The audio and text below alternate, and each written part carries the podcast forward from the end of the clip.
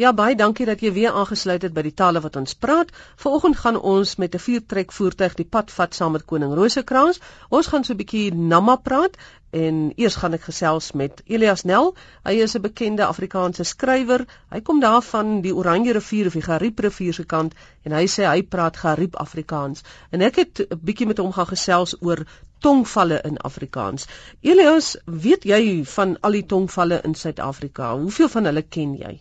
Magdalene daar is 'n hele aantal en ek ek uh, wil my nou nie uitwy daarop nie maar ek onthou dat in 1993 het uh, Willem van Sail en Tony Links 'n uh, boek saamgestel uh, verhale uit die streke van die Afrikaanse taallandskap uh, Syferfonteine.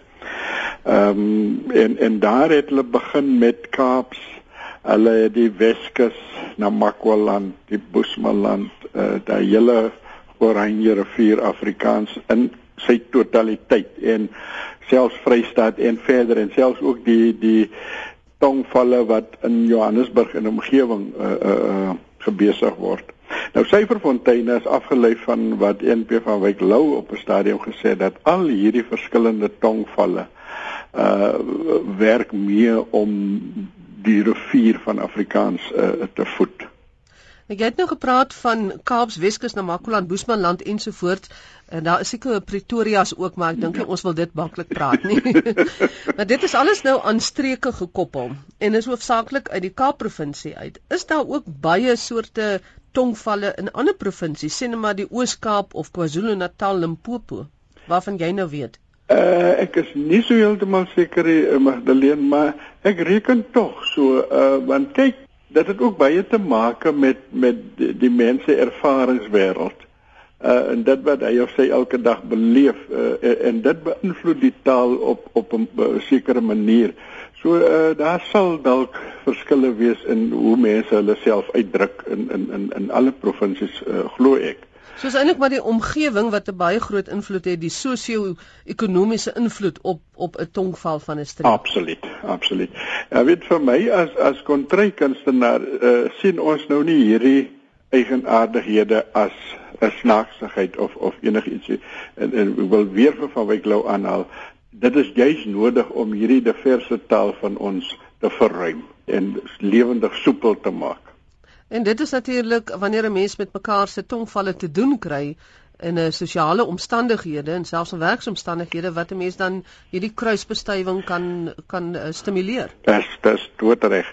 En en uh, ek het nou genoem van die stories van wat links en en van seil by mekaar gebring het. En Ek dink vandag uh, kyk 'n mens met ander oë want daai was eintlik ba baanbrekerswerk in in 'n soort van 'n demokratiseringsproses van Afrikaans waar ons gesê het nou maar alles behoort of die twee here gesê het maar alles behoort eintlik aan hierdie een magtige rivier van Afrikaans hierdie ou klein suiwer fonteintjie wat maar uh nie geag word nie.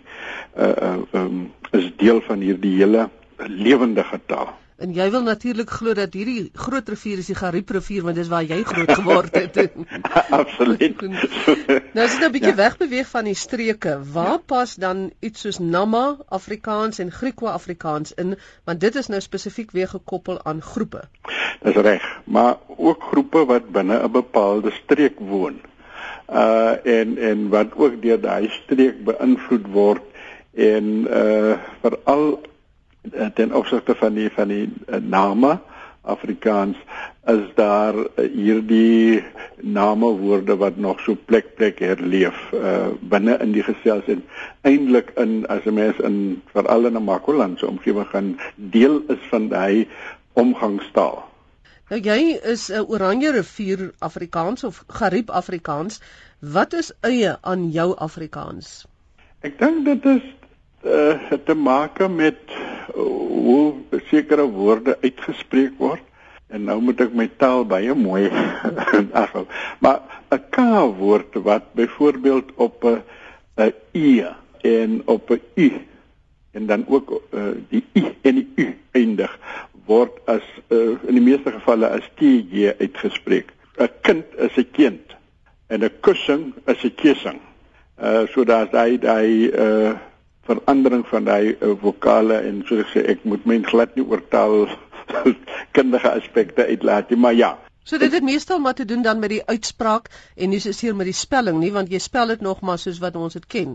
Kind K U N D. Ja, maar die die uitspraak uh, verander in in in die mond van. Ek probeer natuurlik uh, as ek dit skryf, skryf ek dit dan T J E E N T om om net hy verskil uh, sodat die mens amper kan hoor hoe die hoe die spreker dit dit sou sê. Nou die kind wat jy nou van praat, ek verbeel my dat in Namakwa-land, die diep Namakwa-land, praat die mense ook so. So dit is dan ook eintlik Namakwa-land se Afrikaans. Ja, ja, ja, nee en en en daar sal daai ooreenkomste sal 'n mens veral wat wat die die, die noordweste van die Kaap betref, sal ons dit vind. Dit is nie net 'n ding wat byvoorbeeld so steend uh, in sommige gevalle is dit kind. Ek het byvoorbeeld op 'n klein plekjie verneekpad groot geword en dan daar mense wat sê kind en dan weer uh, twee huise verder praat hulle van die kind en die kinders.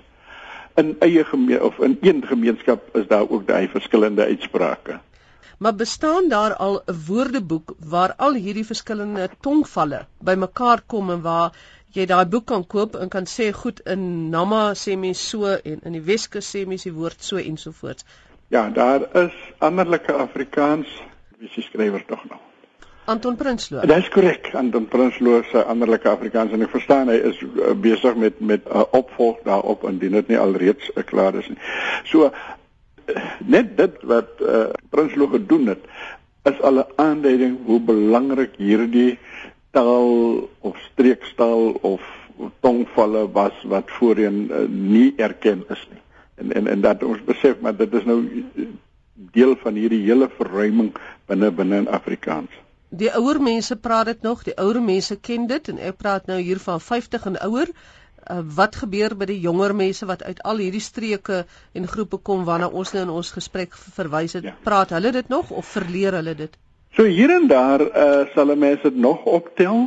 Ek het ook uitgevind dat, dat die jonger geslag uh, is slim. Hulle uh, besig nou twee soorte Afrikaans, iets meer standaard wanneer hulle buite die huis is, maar wanneer hulle in gemaklike informele geselskap is, dan slaan hulle terug op die streekstaal waarmee hulle groot geword het. Is jy nie bekommerd dat byvoorbeeld die verstedeliking van ons mense, veral ons jong mense, ja gaan daartoe lei dat dit op die ount heeltemal gaan uitsterf nie, die dit, tongvalle nie. Dit is 'n moontlikheid. Dit is 'n moontlikheid, maar aan die ander kant ook weer hang dit af hoe sterk en en en uh die platteland sal nie heeltemal ontvolk nie. Ehm um, daar sal altyd 'n paar mense wees wat dus hopelik die nog die taal sal kan streekse tongval besig. Ja, 'n interessante verskynsel deesdae is dat al hoe meer stedelinge na die platteland toe gaan beweeg, ja. vir 'n naweek of vakansie. So dit word nou weer mode. Ja. Elias, baie dankie vir hierdie gesprek. Ek hoop ons kan vorentoe nog oor baie tongvalle praat. Voordat ons verder gaan, ek en Elias het nou verwys na Namma. Nou Vrydag het daar so 'n groepie uit Askam se wêreld in die ateljee gekuier daar in Seepunt by Martelise Johan in oggend op RSG. En toe het Sanna Dreyer so 'n stukkie in Namma gesing en oom Hortse daarna gesê wat dit beteken. Kom ons luister gou daarna. Kwi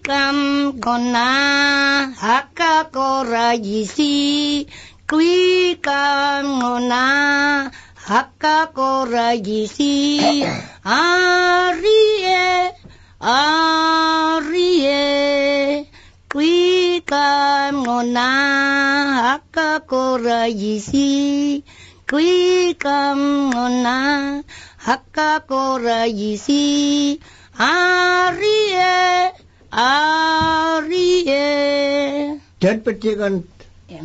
Ian, drie. Mana is. Toe kom nou nou ja nou nou sê dan net daar die uh vier woorde sy sê nog gesê nou as jy nog gesê toe tam nona haga. Koro. Jisi. Dat is nou 5 en 6 ja jisi. Jisi korong a. Nou ja dat is so tam jisi korong a.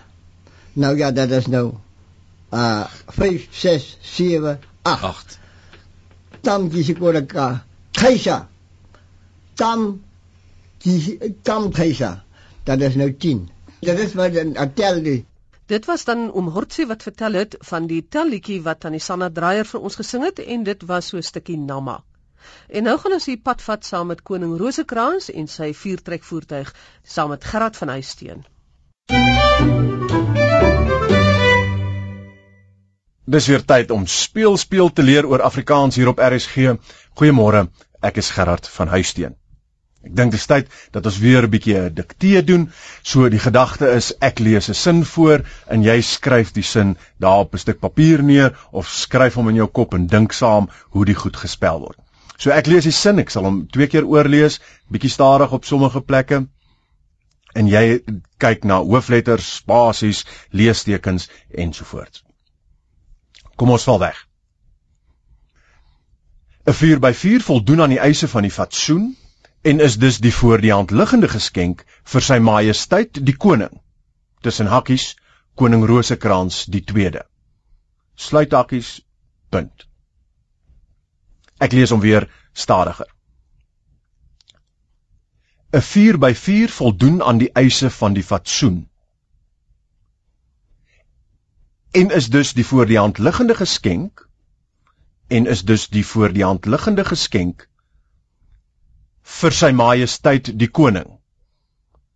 Vir sy majesteit die koning en dan tussen hakkies koning Rosekrans die tweede. Koning Rosekrans die tweede. Nou ons vanoggend help met hierdie klein diktee Tomme Klaglin van Unisa en ondervoorsitter van die taalkommissie. Goeiemôre Tom. Môre Gerard. Kom ons spring weg. 'n 4 by 4 Gerard, ja, hier het ons natuurlik nou die eerste probleem wat 'n mens mee te doen kry is die gebruik van 'n syfer of 'n simbool hier 4 by 4 as ons nou die uh, syfers gebruik. 4 se maalteken 4.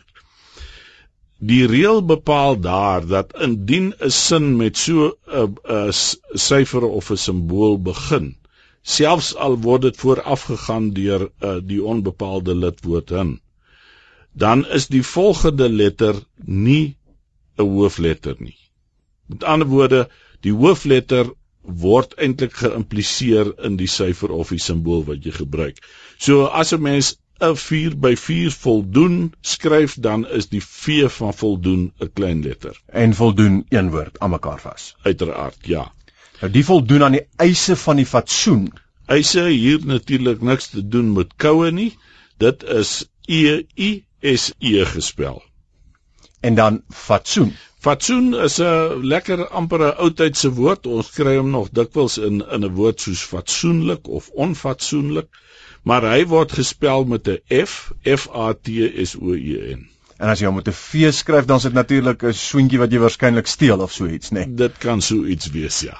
Wel, 'n mens kan nog self sê fatsoen met 'n F is ook dan nog iemand wat eh, 'n uh, fopdosser of so iets wat uh, hou daarvan om te soen want dan is dit 'n fatsoen nê nee. Inderdaad Gerard maar hoeveel mense ken jy vandag wat nog van 'n vat praat? Ek ken net 'n paar vatte. Kom ons gaan voort. En is dus die voor die hand liggende geskenk. Die voor die hand liggende geskenk. Ja voor die hand liggende is dikwels 'n probleem vir mense omdat mense tussen die hele reeks van hulle 'n koppeltekens wil plaas, maar die reëls op die oomblik sê hulle word eenvoudig vier loswoorde geskryf so voor die hand liggende is vier loswoorde en dit staan uit die aard van die saak los van geskenk. En dan kom ons by 'n paar hoofletter probleme, sy majesteit die koning.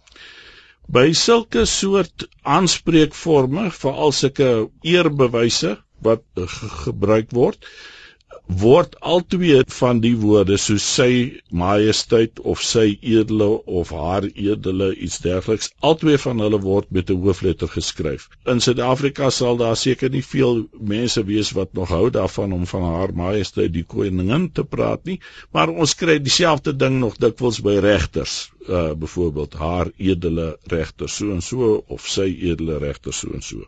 En vir die duidelikheid majesteit is met 'n EU en nie sy majesteit nie, wat dalk ook weer ietsie anders kan wees. Juis. En dan die koning, sy majesteit die koning, dan is koning ook weer die hoofletter daarso. En dan kom ons by koning Rosekrans die 2de. Hoe lyk koning daar? Koning hier word uh net soos meneer of professor of wat ook al in die middel van 'n sin met 'n klein letter geskryf. So selfs al het jy baie agting vir koning Rosekrans of vir uh koningin Elisabeth, jy sal nog altyd skryf die die K met 'n klein lettertjie wanneer dit saam met die naam gebruik word. En dan die tweede, die tweede is wat genoem word 'n toenaam en dit word dan die die lidwoord word met 'n klein lettertjie geskryf, tweede of derde of wat die geval mag word, mag wees word met 'n hoofletter geskryf. 'n Mens sou dit ook doodgewoon met 'n Romeinse syfer kon aandui. Uh 'n mens sou dit byvoorbeeld kry by Paus Benedictus die 16de waar uh, die Romeinse syfer 16 geskryf word. Maar dan skryf jy nie die D I E en dan die Romeinse syfer I nie, nee. En die ander interessante ding is is dat wanneer hy so geskryf word, sê nou maar in die geval Rosekrans die tweede waar jy sou geskryf het Rosekrans met die twee hoofletter I's daarnaas, word dit nie uitgespreek as Rosekrans 2 nie of Benedictus 16 nie, maar wel Rosekrans die 2de of Benedictus die 16de. Baie interessant. En dan sluit ons gewoon die hakkie in 'n punt en daarmee sit ons ook 'n punt agter hierdie diktee. Tom, baie dankie vir jou tyd vanoggend. Plesier gehad. Totsiens. As jy nog enige voorstelle het vir ander vrae om in te sluit in 'n diktee, stuur gerus vir my 'n e-pos by taalvraag@rsg.co.za. Ek groet tot 'n volgende keer. Ek is Gerard van Huisteen. Totsiens.